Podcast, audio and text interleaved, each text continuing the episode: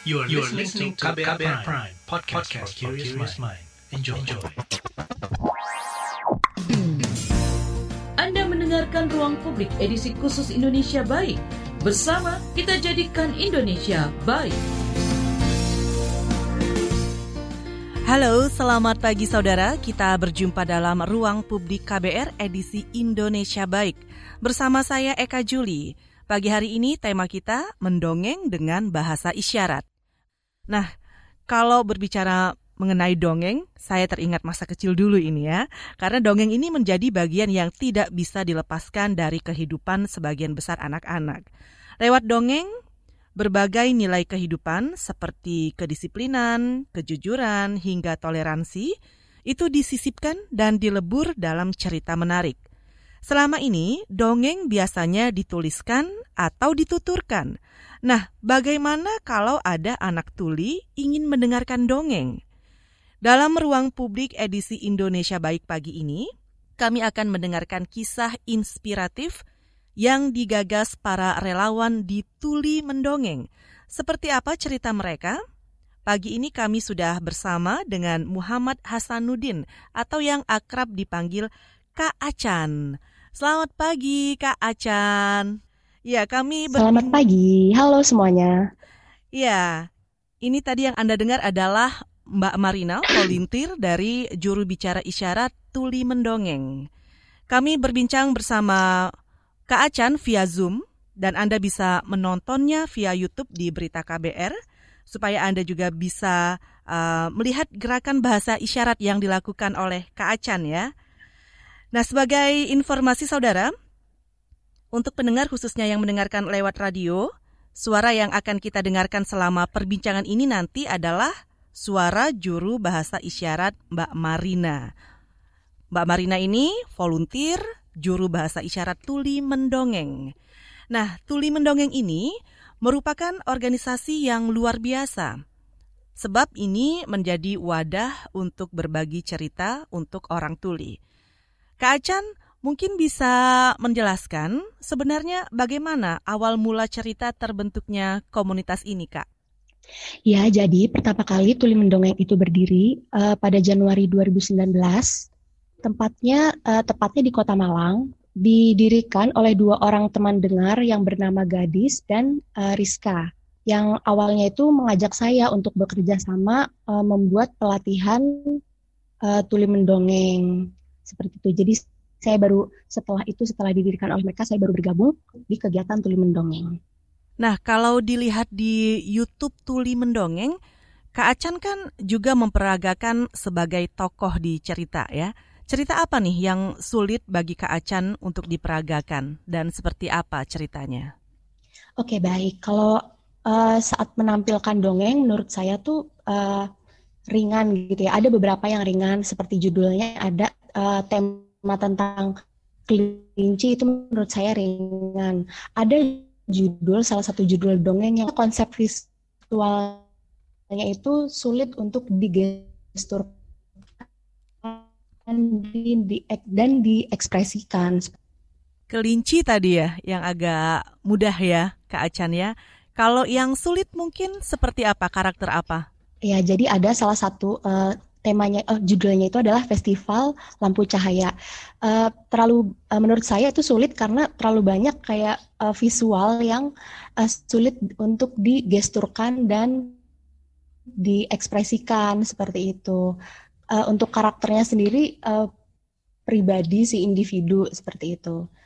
Jadi uh, lebih memanfaatkan menekan benda-benda yang ada di sekitar intinya untuk divisualkan. Kalau yang kelinci, kalau yang kelinci itu uh, menurut saya ringan karena uh, ada ibu kelinci, oh kemudian ada batu, itu kan visualnya mudah mudah dipahami gitu ya. Oh, ada wortel ternyata. Oh, ada sungai seperti itu. Jadi uh, menurut saya secara visual ya itu mudah dibahasakan. Ya, kata-katanya lebih ringan. Jadi lebih kepada pilihan kata-kata. Oke, kalau untuk uh, pemilihan cerita sendiri, ini cerita apa yang bisa dibawakan atau ada cerita yang tidak bisa gitu karena kesulitannya? Kalau cerita kelinci tadi kan mudah gitu ya. Mungkin ada lagi cerita yang kayaknya wah ini sulit nih diperagakan. Oh ya, kalau cerita cerita sulit yang lainnya itu uh, biasanya kami uh, memang agak kesulitan kalau misalnya kalimatnya itu itu menggunakan bahasa bahasa yang tinggi pada dasarnya karena tinggi tapi kalau misalnya sekiranya oh dalam satu kalimat itu mudah untuk di untuk ditangkap konsep visualnya kami bisa mengajarkan uh, kami bisa menceritakan itu ke anak-anak tuli yang bahkan kata-katanya pemahaman kata-katanya lebih mudah jadi yang penting kata-katanya ringan tapi kalau misalnya kata-katanya mulai uh, struktur katanya udah mulai sulit bahkan untuk dipahami seorang pendong, kami juga sulit untuk menceritakan ke anak-anak yang tuli. Ya, jadi kami memang otomatis uh, menceritakannya dengan memanfaatkan sebaik mungkin agar dipahami anak-anak tuli. Hmm. Uh, seperti apa prosesnya dalam memilih cerita untuk mendongeng ini bagi teman-teman tuli?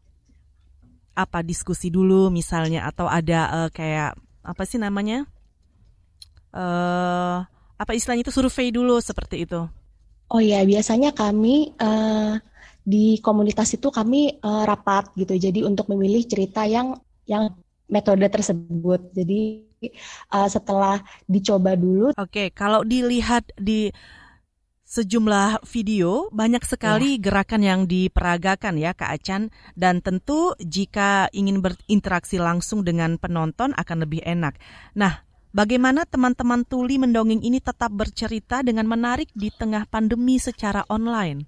Ya, biasanya uh, Mary uh, sebelum COVID itu kami pasti uh, mengumpulkan audiens di sebuah tempat gitu. Jadi uh, mereka bisa uh, langsung berinteraksi dengan kami, merasakan uh, apa ya hiburan yang uh, benar-benar uh, menarik gitu uh, karena berkumpul di satu tempat. Tapi karena sekarang uh, harus full online, terbatas gitu. Jadi uh, gerakannya terbatas, isyaratnya terbatas, gesturnya terbatas, ekspresinya terbatas, seperti itu. Jadi uh, memang agak sulit. Nah, oke. Okay.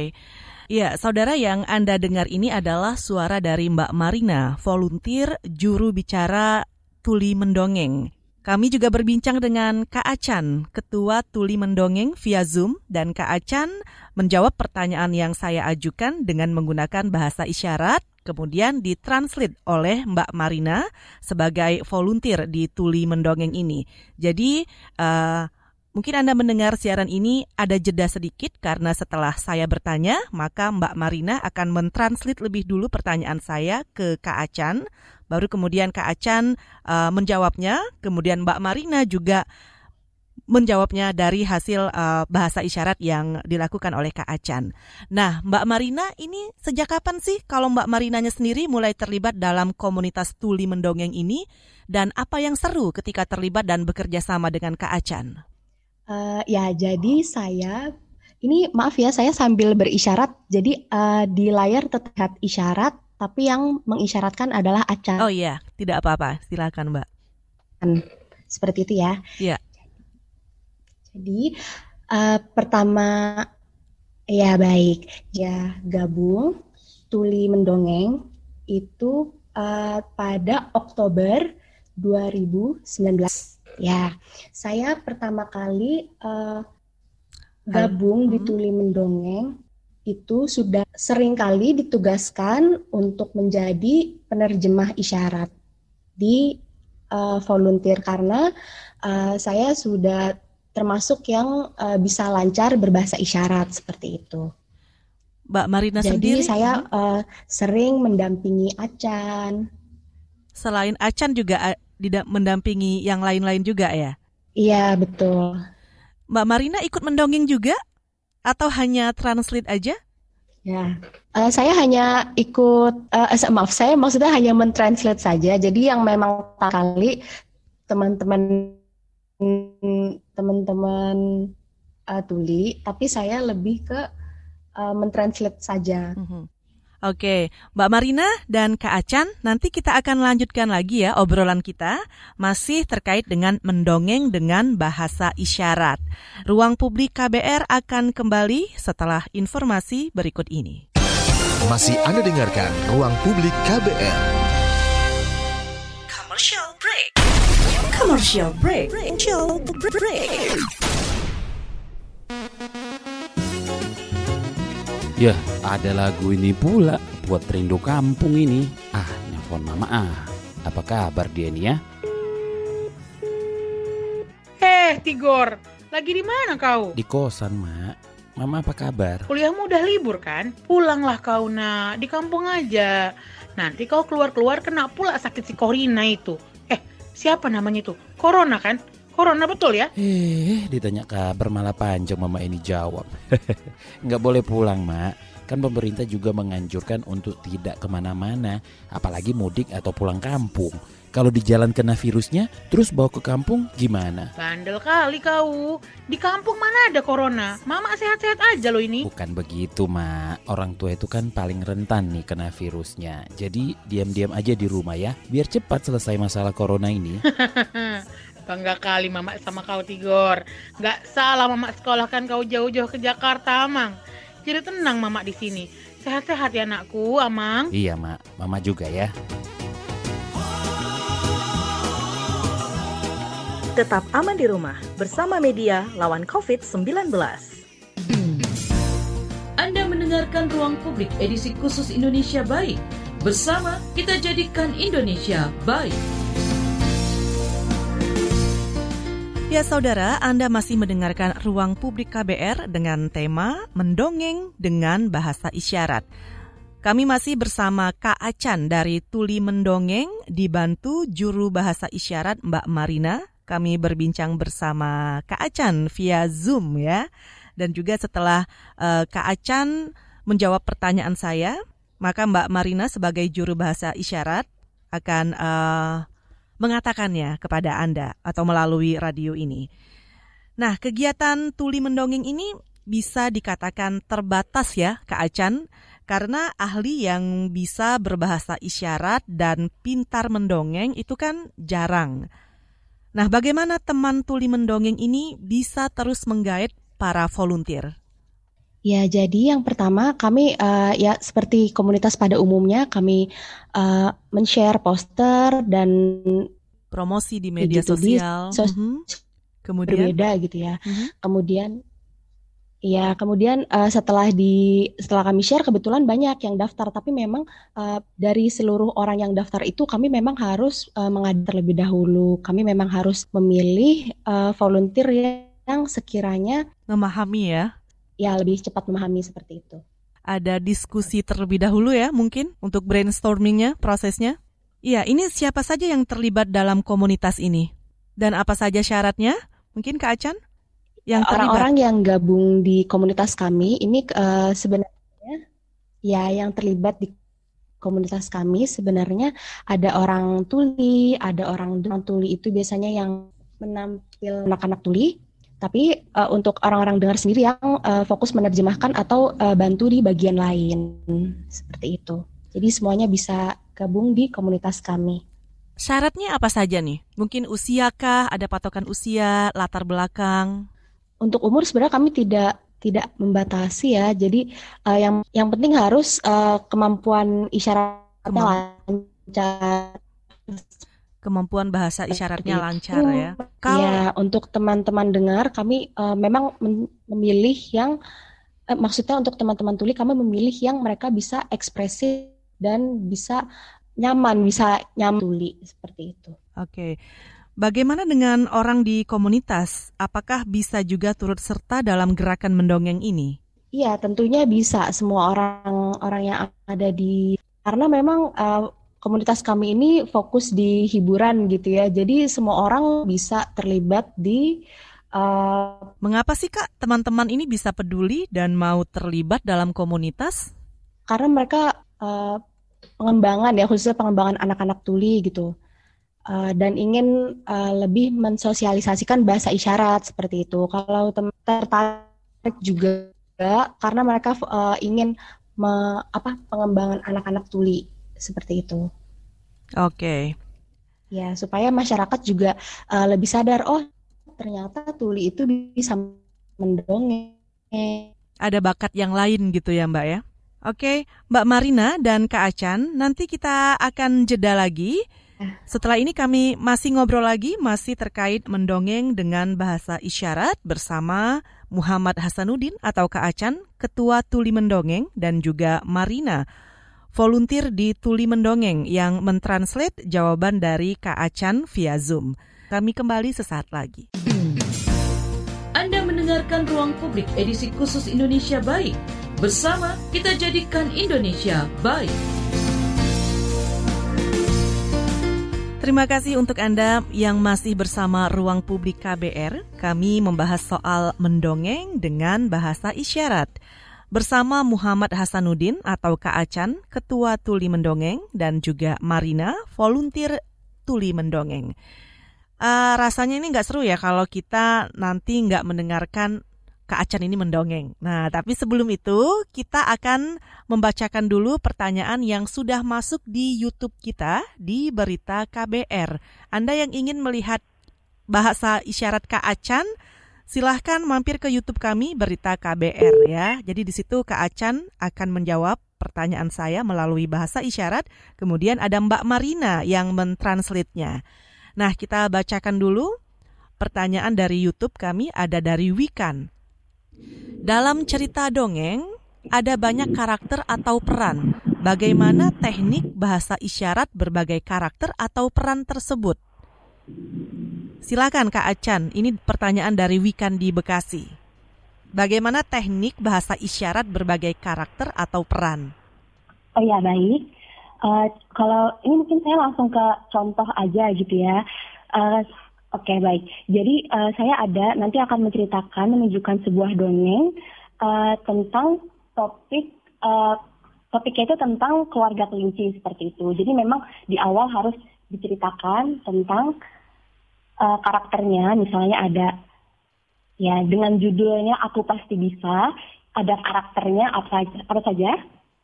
Ya karakternya itu ada ada kelinci, ada bapak kelinci maksudnya ada ibu kelinci, ini mungkin bisa dilihat uh, isyaratnya mungkin ya bagi uh, pemirsa yang bisa melihat di YouTube gitu. Uh, untuk uh, dia menunjukkan tentang karakter bapak kelinci seperti ini, ibu kelinci seperti ini, kemudian anak kelinci seperti ini. Kemudian ada juga karakter oh buaya seperti ini, ekspresinya sudah mulai uh, berbeda seperti itu. ya, jadi memang mengandalkan gestur dan uh, ekspresi seperti itu. Kemudian ada juga uh, kegiatan misalnya oh mengambil wortel ajaib seperti itu. Terus ada, oh ternyata ini latarnya sudah berbeda, sudah masuk ke hutan seperti itu. Ya nah, ini sedang hmm. memperagakan uh, contoh-contoh karakter dan uh, perbedaan latar setting gitu ya. ini ada harus ada jiwa aktingnya juga ya Kak Acan ya. Kalau saya lihat Kak Acan ini ekspresif banget tadi.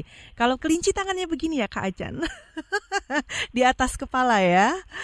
Ya, kelinci dua jari uh -huh. di atas kepala. Ya, seperti itu ditunjukkan. Okay. Digunakan dua tangan. Eh, kalau kaget, kalau kaget gimana? Wah. Oh, ya, itu seperti itu. Jadi pastinya harus kaget sekali oh ya seperti itu sesuai dengan kondisi memang ya, ya. oke okay. nah ini lebih seru lagi kalau kita akan mengajak Kak Acan untuk mendongeng ya untuk mendongeng khusus untuk anda pendengar ruang publik pagi ini nih silahkan Kak Acan kita pengen mendengar atau melihat dongengannya pagi hari ini Ya baik, tapi ini di sini uh, saya tampilnya duduk ya, mungkin yeah. karena keterbatasan space.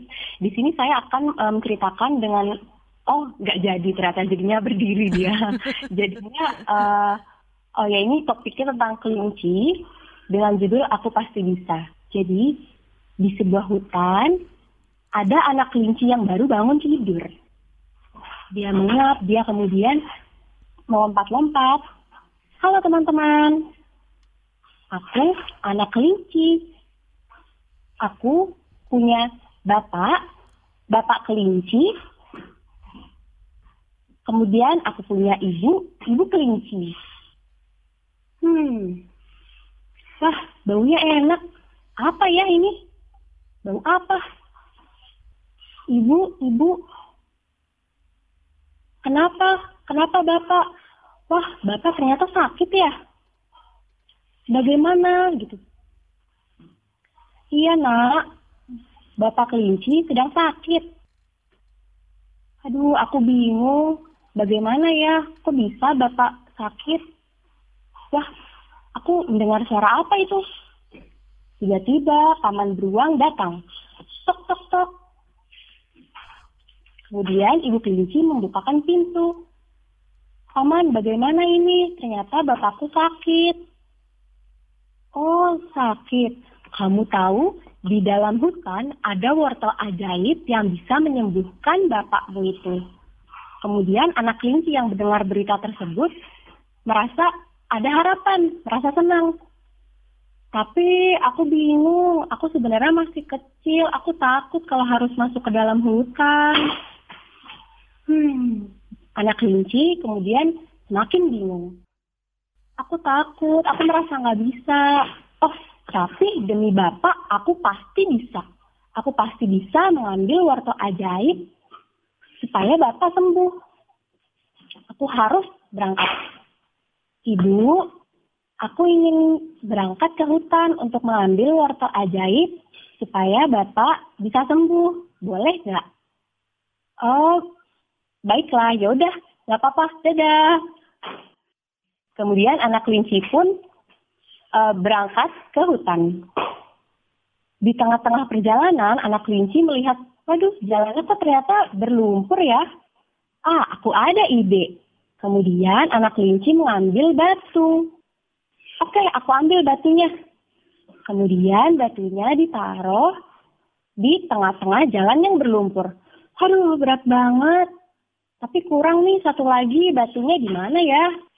Ambil lagi. Ya, sekarang batunya sudah ditumpuk. Ada dua batu. Kemudian anak kelinci melompati jalan berlumpur tersebut dengan meloncati dua batu tersebut. Anak kelinci melanjutkan perjalanan. Di tengah-tengah perjalanan ternyata dia dihadapi oleh adanya sungai yang ada buayanya. Anak kelinci kembali bingung. Waduh, bagaimana ini? Oh, ternyata ada perahu. Wah, anak kelinci pun bergegas menuju ke perahu tersebut. Dia pelan-pelan menaiki perahu tersebut dan pelan-pelan mulai mendayung. Pelan-pelan ya, karena buayanya sedang tertidur. Kemudian dia mulai mendayung, mendayung, dan akhirnya tiba sampai di ujung sungai. Wah, tapi ternyata tidak terasa ya, sudah malam, sudah gelap. Aku takut kalau jalannya tidak terlihat karena hutan semakin gelap. Hah, tapi aku pasti bisa untuk ayahku supaya ayahku sembuh. Kemudian dia melewati rumput-rumput yang rimbun, berusaha melewati. Wah, akhirnya menemukan tempat wortel ajaib tersebut. Kemudian anak kelinci itu mencabutnya dan berhasil dicabut. Dia pun menyimpan wortel ajaib tersebut. Sekarang dia ingin kembali pulang. Tapi jalan yang dilalui pasti cukup jauh. Oke, nggak apa-apa. Aku akan tetap pulang saat ini juga. Dia pun kembali me melewati rumput, rumput-rumput yang rimbun. Aku pasti bisa sampai rumah. Kemudian dia juga kembali melewati sungai dengan kembali menaiki perahu. Pelan-pelan ya, karena takut buayanya bangun. Kemudian sampai, wah, batu yang tadi masih ada. Dia kemudian melewati lumpur tersebut Ye, aku sudah bisa, sudah tiba di ujung jalan. Tok, tok, tok. Ibu, ini dia, porto ajaib ya. Ibu pun terkejut, wah, kamu ternyata sudah berhasil mendapatkannya. Ya udah, kalau gitu silakan masuk. Ayah yang sedang kesakitan kemudian diberi porto ajaib. Setelah ayah memakannya, wah, ayah langsung sembuh. Terima kasih ya anakku. Kok kamu ternyata pinter banget. Kamu kok bisa ya sendiri nyari wortel ajaib. Ya itu singkat itu dongeng singkat yang tadi sudah ditunjukkan oleh Kak Acan. Jadi judulnya wortel ajaib bukan ini kira-kira. wortel ajaib ya Kak Acan judulnya. Uh, judulnya aku pasti bisa. Oh ya, aku pasti bisa tadi ya. Oke. Okay. Ya. Saya fokus pada wortel ajaibnya.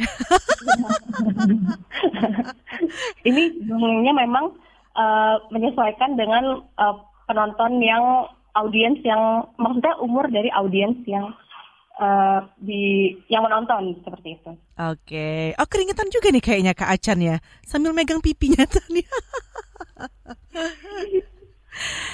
iya betul keringetan tapi saya masih tetap semangat kok.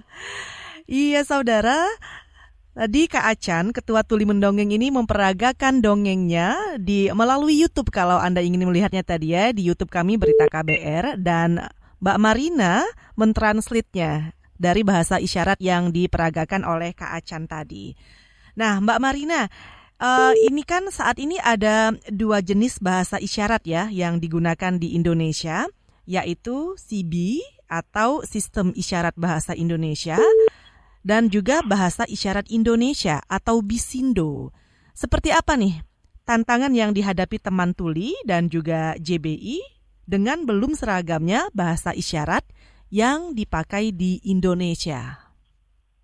Oke okay, baik, uh, ini pertanyaan untuk saya ya. Yeah. Kalau menurut saya pribadi, uh, menurut pandangan uh, saya sebagai volunteer, Uh, tantangannya mungkin ini seperti contohnya saat itu pernah ada kegiatan di SLB. Nah, seperti kita tahu, SLB sendiri memang uh, menggunakan CD, sedangkan uh, banyak talenta-talenta di dalam, oh, maksudnya khususnya talent tuli gitu ya, komunitas tuli mendongeng menggunakan Bisindo. Nah, perbedaan bahasa ini mungkin cukup apa ya, cukup berpengaruh gitu ya dalam menceritakan uh, dongeng tersendiri. Cuma khususnya uh, saat kita menceritakan dongeng menggunakan isyarat karena kita lebih mengandalkan gestur dan ekspresi. Uh, jadi kita memang tidak menggunakan bahasa isyarat gitu. Uh, per, uh, kesulitan yang lebih ditemui adalah saat kita mungkin uh, komunikasi kepada anak-anak SLB di luar uh, interaksi dongeng gitu ya. Tapi untuk uh, dongeng sendiri kami memang tidak menggunakan isyarat, tapi lebih mem memanfaatkan atau memaksimalkan gestur dan ekspresi. Oke. Okay. Nah, selanjutnya kita akan membacakan kembali ada pertanyaan yang masuk di YouTube kami Berita KBR. Ini dari Fitri. Seperti apa dongeng ini digunakan untuk mengkampanyekan hak-hak teman tuli ini? Ini pertanyaan untuk Acan ya. Iya. Iya, jadi untuk mendukung hak-hak teman-teman tuli, kami uh, fokus untuk meningkatkan kesadaran atau mungkin lebih kepada iya meningkatkan kesadaran bagi masyarakat umum uh, tentang penggunaan bahasa isyarat uh, khususnya pada bidang hiburan gitu ya. Ya uh, jadi uh, menggunakan isyarat yang dihubungkan uh, yang uh, bisa digunakan di uh, hiburan bagi anak-anak uh, tuli seperti itu. Jadi anak-anak tuli bisa ini juga uh, berpengaruh pada perkembangan anak-anak tuli supaya mereka bisa lebih memahami konsep visual dalam berbahasa. Mbak Marina sendiri kenapa tertarik untuk mendalami bahasa isyarat ini, Mbak? Ya, jadi sebelumnya saya uh, sebelum bergabung di Tuli Mendongeng, saya memang uh, volunteer di salah satu universitas sebagai pendamping akademik pada awalnya. Nah, uh, karena saya terpapar dengan dunia disabilitas, kemudian saya berkenalan dengan teman-teman tuli, saya mulai belajar bahasa isyarat. Tapi waktu itu belajar bahasa isyarat itu bukan dari kelas, tapi saya langsung ikut nongkrong gitu dengan teman-teman tuli. Uh, lama kelamaan saya uh, butuh waktu mungkin sekitar tiga bulan untuk belajar, kemudian saya uh, akhirnya bisa menjadi uh, juru bahasa isyarat. Baru setelah itu saya gabung bersama komunitas tuli mendongeng. Wow, cepat sekali ya, tiga bulan udah langsung bisa. Iya, karena keseringan nongkrong mungkin ya. Jadi ilmunya langsung terserap ya? Ya, mungkin seperti itu. Oke. Oke, ada lagi pertanyaan dari Farah Nabila via YouTube kami di Berita KBR. Ini biasanya mengadaptasi cerita dari mana saja saat mendongeng ya. Adakah cerita yang mengarang sendiri Dan lebih asik dan mudah mana memperagakan sendiri atau dengan melibatkan banyak orang? Kak Acan. Oh ya baik. Uh, menurut saya lebih mudah memang untuk uh, menceritakan dongeng bersama teman-teman tuli lain seperti itu karena mungkin uh, karakternya gitu ya karakternya bisa uh, berbeda-beda. Untuk idenya sendiri kami uh, sering kali uh, me, berdasarkan hasil diskusi atau hasil rapat. Jadi kami uh, mencerit apa me, mengarang gitu ya istilahnya, membuat cerita sendiri. Hmm. Berarti juga ada bakat juga ya Kak Acan, selain ya, bakat acting juga bisa mengarang cerita juga. Iya betul. Jadi berdasarkan hasil uh, diskusi atau hasil rapatnya ide dari berbagai anggota, kami membuat uh, sebuah dongeng seperti itu. Okay. Jadi inspirasinya bisa dari mana-mana. Selanjutnya ada pertanyaan dari Randy Siregar. Ada cerita lain tidak, Kak, selain aku pasti bisa tadi ya? Dan adakah cerita yang bukan untuk anak-anak? Mungkin cerita dewasa dengan tema percintaan barangkali? Pernah nggak diperagakan Kak Acan? Oh gitu, ya sebetulnya kami memang uh, fokusnya ke anak-anak tuli karena kami uh, fokus ke perkembangan uh, anak-anak tuli gitu ya. Uh, mungkin kami uh, ingin ke depannya masih proses ini ya membuat cerita yang uh, bisa menjadi hiburan untuk orang-orang dewasa seperti itu. Hmm, Oke, okay. jadi khusus untuk anak-anak ya. Padahal saya juga menunggu loh dongeng untuk dewasa. Oke, okay, Kak Acan dan Mbak Marina, kita akan jeda kembali ya. Masih membahas soal mendongeng dengan bahasa isyarat di ruang publik KBR. Kami kembali sesaat lagi. Masih Anda dengarkan Ruang Publik KBR. Commercial break. Commercial break. Commercial break.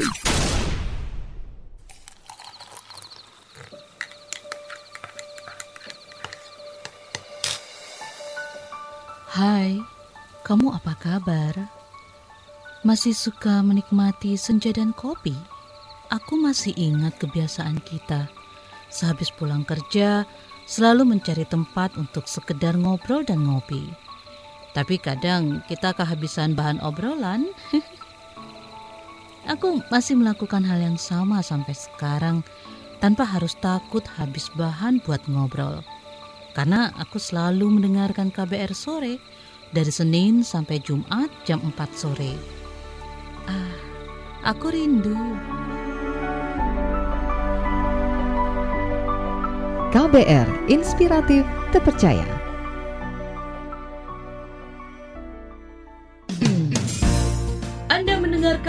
Publik edisi khusus Indonesia Baik. Bersama kita jadikan Indonesia baik.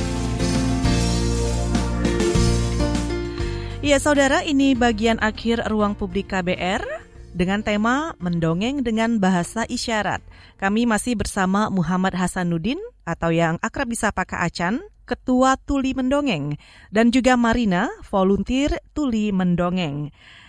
Nah, kami berbincang bersama Kak Acan ini via Zoom dan Kak Acan mendengarkan pertanyaan saya atau menjawab pertanyaan saya dengan bahasa isyarat. Kemudian Mbak Marina sebagai volunteer di Tuli Mendongeng mentranslate-nya untuk Anda yang mendengarkan siaran ini. Nah, Kak Acan, kita pengen tahu dong uh, bahasa isyarat dasar nih yang harus diketahui juga untuk masyarakat umum. Seperti misalnya selamat pagi. Seperti apa Kak kalau selamat pagi? Oke, baik. Sekarang saya mau uh, memberi contoh ya tentang isyarat dasar. Contohnya halo, selamat pagi. Itu oh, contohnya. Okay. Selamat, selamat siang, selamat sore, dan selamat malam. Ya, hmm. senang. Ya itu udah itu contohnya. Aha. Kalau semoga selalu sehat. Semoga selalu sehat. Oh, ya. sehat begini. sehat, ya. Awas ya, pandemi COVID-19? Melawan COVID. Ya, hmm, seperti itu. Oke, okay, begini ya. Lawan COVID. Ya, seperti itu tadi diulang isyaratnya. Uh, kalau uh, jangan kendor protokol kesehatan. Jangan, ini lebih ke jangan malas mengikuti peraturan kesehatan. Oke. Kalau selamat berpuasa? Selamat puasa. Oh, Ya, oke. gitu. Selamat berpuasa. Ya. Kalau berbuka puasa, selamat berbuka puasa, ada bedanya? Selamat berbuka puasa? Selamat berbuka puasa. Seperti itu. Oke. Kalau aku sayang kamu. Hah? Hah? Aku sayang kamu. Oh, ya itu dalam banget sih pelukannya bahasa tubuhnya Kak Acan. itu lebih ke gitu sebenarnya. Kalau terima kasih. Terima kasih. Ya, seperti itu. Ulang lagi Kak, terima kasih tangannya. Ya, dua tangan ya. Yang di atas tangan kanan. Terima kasih. Ya. Oke. Terima kasih. Ya. Ya, itu tadi beberapa eh, bahasa syarat dasar ya yang kita sebagai masyarakat umum harus mengetahuinya ya. Eh, terima kasih, selamat pagi, selamat siang, selamat malam. Semoga sehat selalu. Nah, Kak Acan, selain mendongeng, sebenarnya apalagi kegiatan yang dilakukan komunitas ini, Kak? Ya, kegiatan tuli mendongeng itu eh, memang biasanya khusus eh, tampil di acara-acara atau biasanya ada yang eh, mengundang kami untuk presentasi, eh, presentasi atau kegiatan talk show. Kami sebagai narasumber biasanya. Eh, untuk kegiatan lainnya biasanya kami kerjasama dengan komunitas lain. Contohnya ada komunitas akar tuli di Malang dan ya seperti itu sih eh, in- eh, kebanyakan kegiatannya. Oke.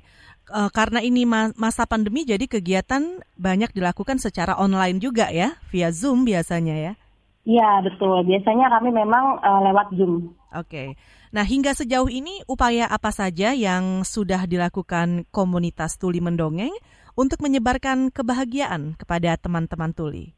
Iya, biasanya kami eh, fokus untuk membuat eh, anak-anak tuli eh, lebih lebih bahagia gitu ya, lebih menikmati masa kecilnya dengan memberikan hiburan yang bisa dimengerti oleh mereka dengan memanfaatkan gestur dan eks- eh, ekspresi seperti itu supaya mereka lebih paham.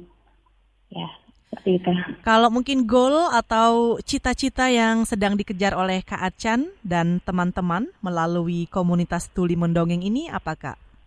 Oh iya, Eh, tujuan kami di Tuli Mendongeng itu sebenarnya ada tiga ya. Yang pertama yaitu adalah eh, mengembangkan literasi anak-anak tuli.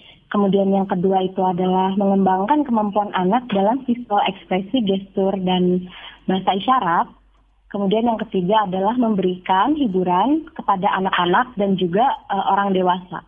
Oke. Mbak Marina, jika kalau ada orang yang ingin bergabung ke komunitas ini bagaimana caranya Kak? Untuk teman-teman yang ingin bergabung bisa eh, melihat platform kami ya di kami eh, punya sosial eh, punya sosial media yaitu eh, Instagram Eh, bisa dilihat di Tuli Mendongeng Oke. bisa dicari di Instagram. Jadi bisa mendaftar eh, di sana saja via DM gitu. Ada atau ada semacam kayak linknya gitu? Eh, untuk eh, pendaftaran eh, mungkin saat ini belum dibuka dulu, tapi mungkin teman-teman bisa eh, lihat apa aja sih kegiatan yang ada di Tuli Mendongeng, kemudian bersiap-siap untuk eh, pembukaan selanjutnya. Tapi eh, saya sendiri sebagai volunteer belum tahu ya untuk pembukaan untuk pembukaan selanjutnya kapan gitu. Oke. Kalau Mbak Marina sendiri melihatnya apa sih yang diinginkan oleh teman-teman JBI dalam mendukung kesetara- kesetaraan hak teman-teman tuli? Untuk teman-teman, oh untuk teman-teman JBI ya kalau saya pribadi, eh, saya sendiri eh, mendukung kegiatan ini karena eh, kalau saya lihat gitu ya dari perspektif eh, teman-teman tuli khususnya yang masih anak-anak gitu, mereka eh, mungkin eh, sering kali kadang eh, mungkin kesulitan gitu untuk mencari teman yang memang eh, komunikasinya eh, sama gitu dengan dia atau eh, yang bisa memahami dia atau yang atau media pembelajaran atau media hiburan yang bisa memang benar-benar anak-anak tuli ini pahami seperti itu. Nah, saya mendukung kegiatan ini sebagai JWI karena eh, eh, apa? Karena memang ini ba- fokusnya menurut saya saya tertarik gitu karena fokusnya memang kepada eh, pengembangan literasi eh, anak-anak tuli seperti itu. Oke.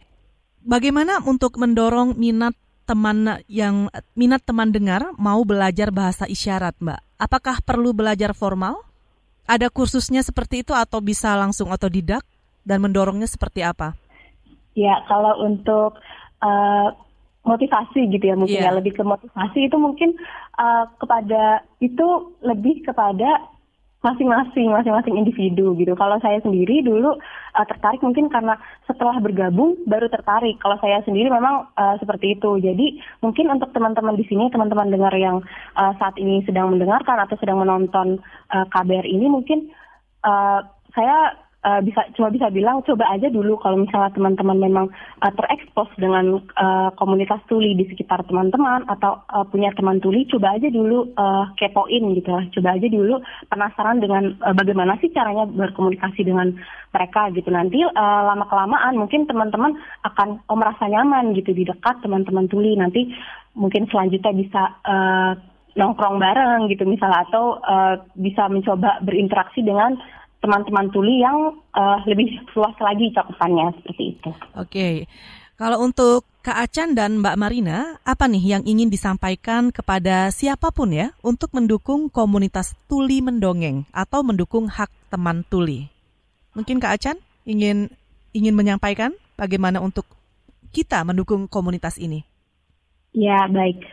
Uh, kalau dari ini, kalau dari Acan, jadi uh, mungkin uh, teman-teman, oh iya, uh, ini uh, mungkin uh, kami ingin uh, mungkin lebih seperti uh, bilang kepada masyarakat uh, secara umum bahwa ayo kita sama-sama uh, mendukung gitu perkembangan uh, literasi untuk anak-anak uh, tuli dan kami ingin uh, meningkatkan kesadaran uh, di masyarakat umum untuk uh, lebih supaya uh, membuat masyarakat yang lebih inklusif, yang lebih uh, memahami kami untuk bisa lebih berkomunikasi dengan uh, golongan teman-teman tuli.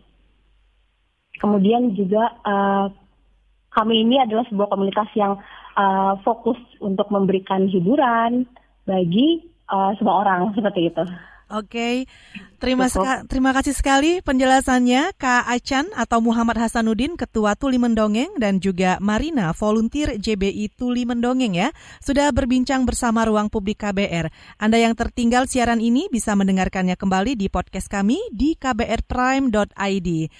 Saya Eka Juli undur diri. Terima kasih sekali lagi untuk Kak Acan dan Marina. Sukses selalu ya untuk Tuli Mendongeng. Terima kasih. Salam.